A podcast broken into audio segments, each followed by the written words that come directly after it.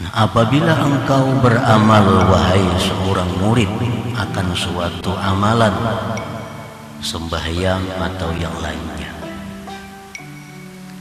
Untuk pahala yang akan datang seperti surga dan kenikmatannya.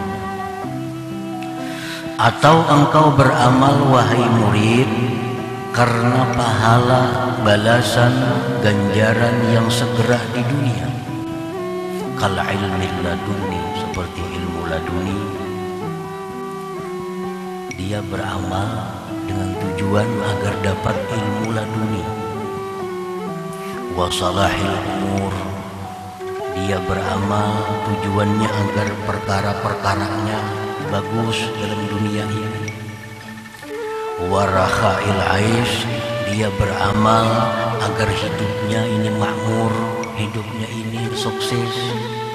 Awairiha atau selainnya nah apabila engkau wahai murid beramal untuk satu balasan untuk suatu ganjaran baik dunia atau akhirat maka Allah berfirman kepada engkau innaka lam tasduq bi amalika. Engkau tidak jujur engkau tidak benar pada beramal engkau itu karena aku kata Tuhan. Jadi apabila kita beramal dimotivasi oleh surga.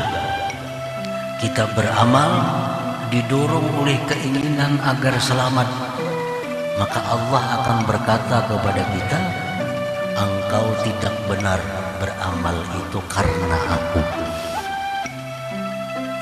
Bal amil tali nafsi bahkan engkau itu beramal hanya untuk kepentingan diri engkau. Engkau beramal untuk bagian diri engkau. Engkau beramal untuk kesenangan diri engkau lali adai hukuki uluhiyatik dan bukan untuk menunaikan hak ketuhanan engkau. Dan engkau telah berdusta pada perkataan engkau lillahi ta'ala. Nah para muhibbin rahimahumullah kita sembahyang. Kita sembahyang ini tergerak karena ganjaran surga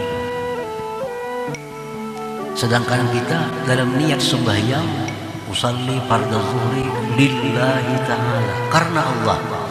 Nah berarti karena Allah ini mendustai Allah. Kalau karena Allah kada perlu memandang kepada balasan. Kita sembahyang sembahyanglah menunaikan hak Tuhan. Karena hak Tuhan itu mesti disembah. Kalau kita puasa puasalah menunaikan hak Tuhan kalau kita zakat berzakatlah menunaikan hak Tuhan.